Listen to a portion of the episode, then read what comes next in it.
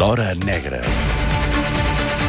Som al suplement, som a Catalunya Ràdio, amb la Maica Navarro, que ja fa estona que ens acompanya. Obrim l'Hora Negra avui amb un cas que ens portarà fins l'any 2002 a Sabadell, el cas d'Helena Jovany, i anem de seguida, a Maica. Abans, però, um, aquest ha estat un cap de setmana, unes últimes hores, uh, marcades, desgraciadament, una altra vegada per la violació no agressió sexual, violació, parlem directament, la matinada d'ahir davant del Museu Marítim de Barcelona, al Raval, una violació molt violenta amb una víctima de dona de 37 anys que va patir, hem d'explicar-ho, l'amputació d'una orella, sembla que per ser per una mossegada fins i tot de l'agressor. Sí. Tu has estat seguint aquest tema, Maica, sobretot a l'avantguàrdia. Sí, ho he estat, ho hem estat seguint, seguint ahir. Hem de dir que va ser una informació que va avançar la companya de la cadena Serena Ponsí i realment el, el, el succés és esferidor perquè l'agressor va, va provocar una violència absolutament inusitada i que no correspon als patrons habituals d'agressors sexuals a les grans ciutats, que això no vol dir que no n'hi hagin agressors molt violents que fins i tot pro intenten provocar la mort de l'assassinat de la seva víctima, però aquesta vegada, o sigui, enmig de la ciutat, a les 5 de la matinada, a les portes del Museu Marítim i al final de, de la Rambla de les Sanes, doncs aquesta dona portuguesa de 37 anys, veïna de la ciutat, el que poc poc, poc, el poc que explica, perquè estava en absolut estat de xoc quan la localitzen els serveis de neteja municipal, és que, doncs bé, tampoc volia, necessitava parlar gaire perquè estava sagnant completament, li faltava una orella, l'altra la tenia mossegada, tenia la boca trencada, eh, sant per tot arreu, i bueno, hi ha una investigació oberta. És cert que els Mossos d'Esquadra compten amb el relat d'un home que, que és habitual de la zona, que els hi va explicar que havia vist a la dona parlar, xerrar amb un altre home doncs, eh, al voltant d'aquelles hores, que tots dos parlaven en portuguès, allò que fa pensar, sospitar els Mossos, que potser o tenia una relació prèvia o s'acabaven de conèixer. En qualsevol cas, al marge del parentès, el cert és que ja la investigació està, està oberta i, i molt preocupant, a més, en aquests moments on en plena campanya electoral hi ha un debat eh, on s'intenta sí, sí. ridiculitzar per part d'algun candidat el que vol dir consentiment o no i que i determinats candidats asseguren que és necessari el sí i el no. En fi, jo no crec que en aquests moments a aquesta dona calgui preguntar-li si va dir sí, si va dir no o que va dir quan l'estaven golpejant Recordem, està ingressada al clínic, uh, en estat de xoc, no? Clínic. Ahir a la nit encara no havia pogut articular una paraula. Els serveis d'emergències i el personal de clínic va demanar a Mossos que, que de moment s'havien d'esperar per poder parlar amb ella. L'estona que va estar amb la Guàrdia Urbana fins que va arribar l'ambulància, la van traslladar urgentment a l'hospital, no va articular ni una sola paraula, estava absolutament ida i els Mossos doncs, bé, comencen aquesta, les, doncs, els passos habituals que és doncs, primer càmeres de vigilància, és una zona molt vigilada Clar, de Drassanes, sí, sí, sí, sí. i per una mica acotar i veure de qui estem parlant i a qui han de, de detenir, però insisteixo, un cas um, esgarrifós i amb una violència absolutament desproporcionada amb, un, amb, uns, amb, amb una amb violència sexual. Doncs uh, realment uh, seguirem uh, com evoluciona tot plegat. Uh, sí. Com dèiem, avui amb la Maica Navarro en aquesta hora negra uh, escombrarem una mica cap a casa, anirem cap a Sabadell per repassar un cas que va passar fa exactament 17 anys. Hola, molt bona nit. La jove mataronina Helena Jovany va ser assassinada el passat dia 2 de desembre. Així ho ha confirmat avui la policia i també la família de la víctima. Montserrat Careta Herrera és l'única detinguda de moment d'aquest cas que està sota secret de sumari. A veure, aquest és un fragment uh, d'un informatiu de l'any 2002 de la televisió local de Mataró, sí. en el qual parlen precisament de l'assassinat de la jove Helena Jovany uh, uns mesos abans. Maica, per situar-nos, qui era Helena Jovany, quants anys tenia, d'on surt aquesta noia? L'Helena Jovany tenia 27 anys, s'havia nascut a, a Mataró, una família de mataronina, tenia un germà una mica més gran, i amb ella sempre li havia agradat això de les, de les lletres. Bueno, i va decidir estudiar periodisme, va fer pràctiques al, al Punt Avui, va fer pràctiques també a la televisió local, però de seguida va veure que, que amb ella el que realment li agradava era no tant el món del periodisme, sinó el món de la, de la literatura. I, de fet, eh, una, una dada cap de la seva trajectòria vital és que comença a treballar a una reconeguda llibreria de Mataró, que és la Faves, i allí comença a fer també aquesta pràctica de ser contacontes per, per nens. I allà descobreix doncs, que, que realment allò que l'apassiona és la literatura infantil, és poder explicar contes als nens i en un moment de la seva vida fa un tom i decideix abandonar el periodisme i dedicar-se plenament a la, a la literatura i marxa a viure A al teu poble, al Sabadell. Se'n va viure a Sabadell, eh, crec que a la zona de la Creu Alta. Sí. Tot anava bé, tot anava amb normalitat. Vivia sola?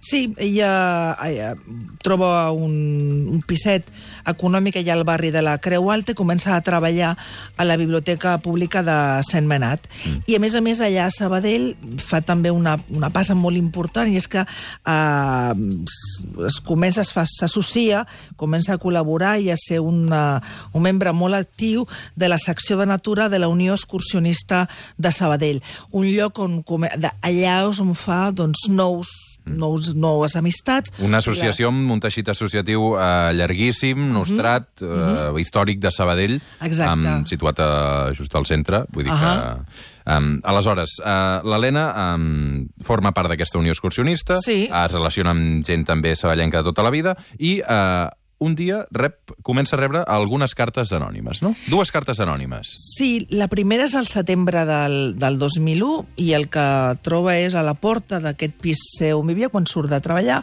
és una, una carta escrita, escrita a mà al costat i una, una ampolla d'orxata, una, una pasta i el que el fan és convidar-la que és anònim, no està signat per ningú i el que li diuen és que, que s'atreveixi a tastar-ho. Ella desconfia i no s'ho pren.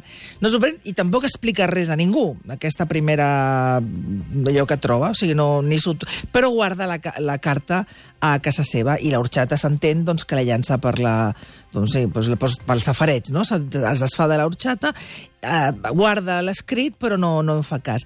Uh, dies després, bastant gairebé un mes després, rep una altra, una altra carta.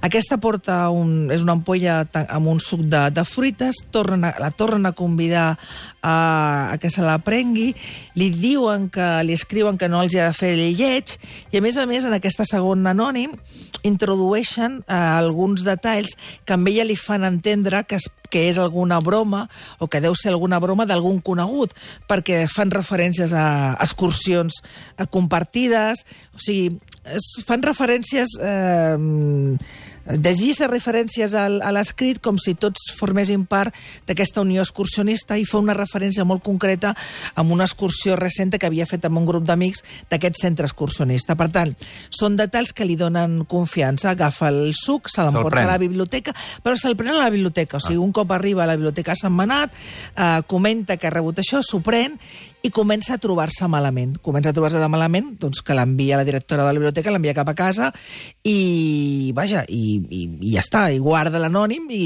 quan es refà d'aquesta somnolència repentina que l'havia adoptat, doncs torna a treballar i continua amb normalitat la, la seva vida. Mm. Um, clar, quan es va donar que aquell suc tenia alguna cosa, uh, és a dir, que, que alguna cosa que li havia provocat aquesta somnolència, s'ho va fer analitzar, va dir, escolta'm, això dóna'm surt en aquest cas. Perquè, clar, um, és a dir, si tu et prens una cosa d'un anònim i, Sí. i tens... No? Mm -hmm. Sí, de fet, eh, el que sobretot a instàncies de la directora de la, de la gent de la biblioteca, el que li van, el que li van, el que li van suggerir és que, bueno, que aquesta reacció havia sigut absolutament anòmala i que, i que, i que com que li quedaven restes d'aquest suc la va portar a analitzar i van determinar això, que, aquesta, que aquest líquid que havia pres contenia una gran quantitat de somnífers, que és el que havia, li havia provocat aquest estat. En qualsevol cas, ella va continuar amb... Com a mínim, mai va explicar al seu entorn que pogués passar res més estrany en el seu cer- cercle més, més, més pròxim, perquè a més a més és cert que, i això ho explica molt bé el seu pare i el seu germà, eh, l'Helena era molt, com molt reservada, o sigui, mm, absolutament normal amb el seu grup d'amics, però molt reservada amb les seves coses. Um, després que rebés aquests anònims, uh, la seva vida va continuar amb normalitat fins al dia 30 de novembre de 2001. Aquell dia l'Helena va desaparèixer. Aquella, sí, s'havia anat a dormir a casa seva, però l'endemà no, no... Aquella tarda no va, no va treballar, l'endemà havia quedat amb el pare per dinar, també un altre dia havia quedat amb el, amb el germà, o sigui, des, perden, la perden absolutament de vista. Els el pare espera unes hores, no fos cas que la filla doncs, hagués tingut, no sé, alguna sortida amb alguna persona que ell desconegués. Bueno, es preocupa relativament, espera unes hores, també estem parlant del 2001, o sigui, en aquella època eh, les, les denúncies per desaparició trigaven aquestes absurdes 24 hores, i mentrestant, en, en paral·lel, es troba el cos despullat d'una dona eh, al pati interior d'un edifici de, d'un edifici de, de Sabadell. I és fàcil identificar aquest cadàver? No, un cadàver que no es pot identificar en un primer moment perquè està absolutament indocumentat, despullat completament, el rostre ha quedat absolutament deformat, de, cau des d'un cinquè pis, i en un primer moment el que fa la Policia Nacional és eh, assegurar que es podria tractar o difondre que es podria tractar d'un suïcidi, mm -hmm. tot i que els investigadors ja sospitaven que era impossible que fos un suïcidi perquè l'autòpsia determina que en el seu interior portava tal nivell de somnífers que calculen que podria portar fins a dos o tres dies absolutament eh, en coma i sense reaccionar. L'autòpsia l'autòpsia també certifica que és Helena Jovany, efectivament. Més que la... O sigui, es, en aquell moment es produeix la, la, la denúncia per desaparició, es troba una roba que una, una roba a la, a la part superior d'aquesta terrassa des d'on ja era evident que l'havien hagut de llançar perquè ja per si sola no podia haver arribat en cap condició al terrat ni molt menys llançar-se i allà sí que es troba eh, documentació eh, i a més a més se sap en aquell moment no hi havia la, la coordinació ni, els, ni el programa per, per, per... O sigui, quan tu introduïes un nom no, no et sortia en el sistema eh, informàtic policial immediatament que jo tenia una ordre de, de desaparició que arribaria, insisteixo, més tard per part del pare, però en qualsevol cas eh, es confirma que és, que és el Nayumany. Insisteixo, no es podia identificar per la cara perquè va quedar completament destruïda, però a més a més el cos presentava cremades, nombroses no? cremades, cremades de colònia i alcohol, i a més a més una cosa molt inquietant i era marques d'haver patit, eh, d'haver fet servir electricitat a la part de, del cor amb uns, amb uns cables. Tot plegat, una situació horrible i, a més a més, una investigació que comença en aquell moment eh, doncs, quan ell s'entra a casa de l'Helena Jovany i el primer que es troba són aquests anònims que tant ni el pare, ni el germà, ni l'entorn més pròxim de la nena desconeixien absolutament de què estaven parlant, tot i que la directora de l'Uteca de seguida els hi fa referència a aquest suc de taronja, que una setmana, el suc de, de préssec, que unes setmanes abans havia pres l'Helena i que l'havia provocat aquest estat de somnolència. Entre les investigacions de la policia, Montse Careta, que al cap d'uns dies eh, és detinguda. Qui és Montse Careta? La Montse Careta eh, era, era professora d'institut i tenia una relació amb l'Helena Jovany precisament per, aquest, eh, per aquesta unió excursionista de Sabadell, que era el, una mica el, el nexe d'unió. Eh, la Montserrat Careta vivia eh, en el mateix bloc des de, de, on havia estat uh, llançada al buit l'Helena Jovany, Jovany. Per tant, ella aquell dia no tenia... És veritat que des del moment que és detinguda nega absolutament els fets, no pot donar als investigadors cap argumentació raonable de per què la, per què l'Helena estava en aquest edifici, per què la roba de l'Helena estava en el terrat i per què havia caigut precisament des del terrat de, de casa seva. I és detinguda juntament amb la que ella la seva parella i una altra quarta i una, i una tercera persona que formaven el nucli, el nexe unió tot era aquest centre excursionista de, de Sabadell tots tres són detinguts i és veritat que en un primer moment hi ha un primer anàlisi de cal·ligràfic de la lletra d'aquests anònims i es determina que com a mínim un dels anònims, la lletra, pertanya a la Montse Careta. Això provoca que la Montserrat Careta permanegui, eh, continuï en eh, presó preventiva a Valràs i que les altres dues persones detingudes que no hi havia tants indicis contra ells queden en llibertat a l'espera d'un judici que mai es va celebrar. Per què Montserrat es va suïcidar?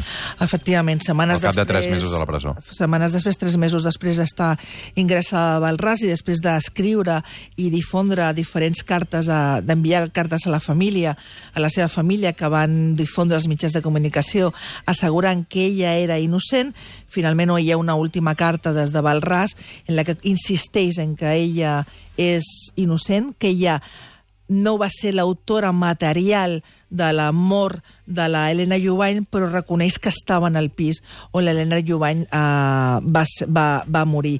Um, 17 anys després això encara no s'ha resolt. I, de fet, les, les famílies de, de, de les dues noies, tant l'Helena Jovany com de la Montserreta, um, defensen totes dues que, Sí. que, que la Montserrat és innocent. Sí, uh, sí, perquè mm, anys després una nova, una nova, una nou estudi grafològic de les, dels anònims va, de, que havia rebut l'Helena en el seu moment van demostrar que en contres del que s'havia dit inicialment, doncs la, cap dels anònims va estar escrit mai per la Montserrat. Per tant, aquella crides a cap a la seva innocència, doncs en aquestes noves estudis grafològics li donarien la raó en quant que no va escriure els, els escrits. I potser tenia més credibilitat aquesta crit d'innocència, però era evident que l'Helena, el crim va succeir a casa de la Montse i és veritat que la pena és que ella es va, va preferir suïcidar-se sense descobrir ni delatar mai a qui va ser l'autor, tot i que les famílies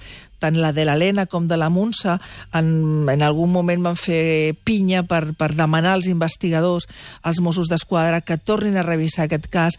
Està a punt de prescriure i que sempre han senyalat com el que havia estat el nòvio de la Montse Careta eh, i detingut en un primer moment com el- com l'autor. Mai es va saber a què corresponia aquesta mort tan, tan escabrosa.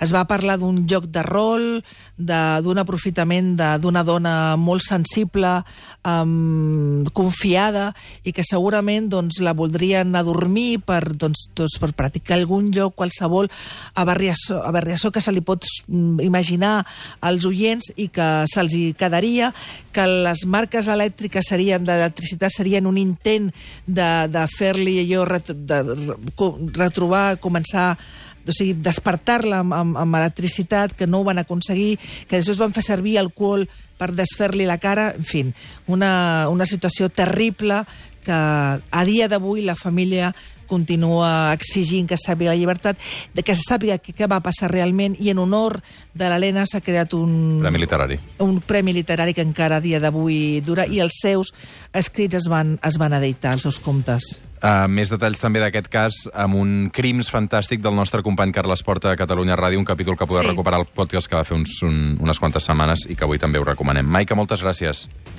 És Sant Jordi.